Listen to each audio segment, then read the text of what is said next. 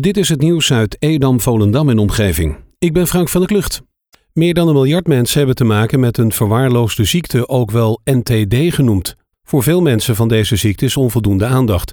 Tijdens de World Tropical Disease Day op 30 januari wordt aandacht gevraagd voor deze situatie. Met een gezamenlijke ambitie, hashtag NTD's.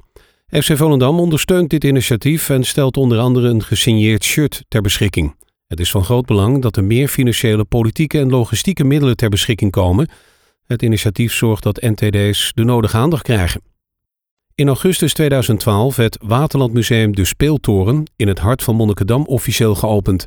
De Speeltoren met het carillon is en blijft de grootste publiekstrekker van dit museum. Daarom is besloten dat de carillonzaal na negen jaar als eerste te vernieuwen. Na een grote inzamelingsactie is er voldoende geld opgehaald. Inmiddels is de grootscheepse verbouwing in volle gang. De nieuwe carillonzaan legt op interactieve wijze het verband tussen het heden en verleden van Monnikendam. Team Sportservice heeft als doel om iedereen van 0 tot 100 jaar de kracht van sport en het plezier van bewegen te laten ervaren. Gedurende het hele jaar worden veel activiteiten, sportlessen en toernooien georganiseerd. De huidige omstandigheden vragen bij veel activiteiten om een aangepaste organisatie.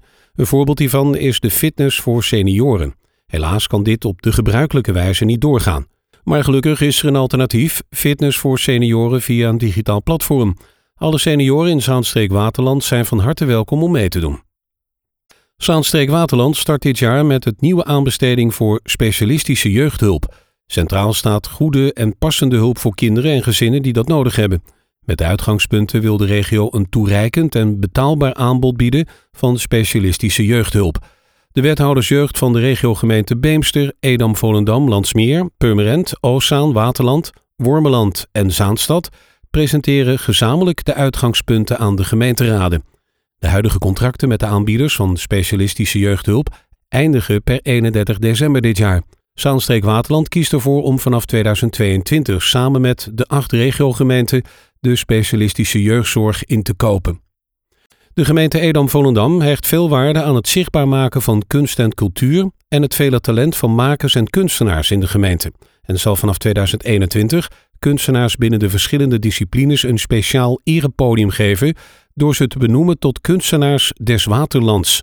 Voor de dichtkunst stelt de gemeente Edam-Volendam in samenwerking met Bibliotheek Waterland een dichter des Waterlands aan. De campagne is gisteren gestart in de Landelijke Week van de Poëzie. Vanaf nu kan je je aanmelden via dichterdeswaterlands.nl. Het uitduel van FC Volendam tegen Almere City FC is verplaatst. De wedstrijd wordt gespeeld op vrijdag 12 februari om 9 uur. Het treffen met Almeerse ploeg stond eerder gepland op zondag 14 februari om 8 uur. Het totaal aantal coronabesmettingen in de regio Zaanstreek-Waterland gaat al richting de 20.000. Tussen woensdagmiddag en donderdagmiddag kwamen er weer 160 nieuwe gevallen bij en daarmee staat het totaal op 19.539. Ook in Edam-Volendam is het weer raak. In 24 uur tijd kregen 31 inwoners het bericht dat ze dus positief waren. Sinds woensdagavond staan er weer veel oproepen in diverse appgroepen om dit weekend weer in Purmerend te gaan rellen. De politie is op dit moment bezig met alle reljongeren die de afgelopen maandag door de politie zijn gecontroleerd te bellen en een waarschuwing te geven om niet deel te nemen aan die acties. Ook al het verkeer in de verschillende social media kanalen worden strikt in de gaten gehouden door de forensische dienst van de politie. Vanaf woensdag zijn door de politie ook diverse huisbezoeken gedaan om waarschuwingen af te geven. Burgemeester Sico Heldoorn van Waterland roept de bewoners van Mark op om zich aan de coronamaatregelen te houden. Dat schrijft hij in een brief die gisteren is verspreid aan de inwoners. Aanleiding is een clusterbesmetting op het eiland, waarbij zes personen besmet zijn geraakt met het coronavirus. Dat gebeurde op een illegaal feestje.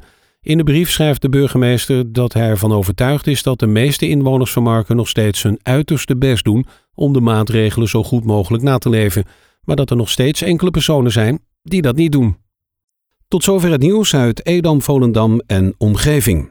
Meer lokaal nieuws vindt u op de Love Kabelkrant, onze website of in de app.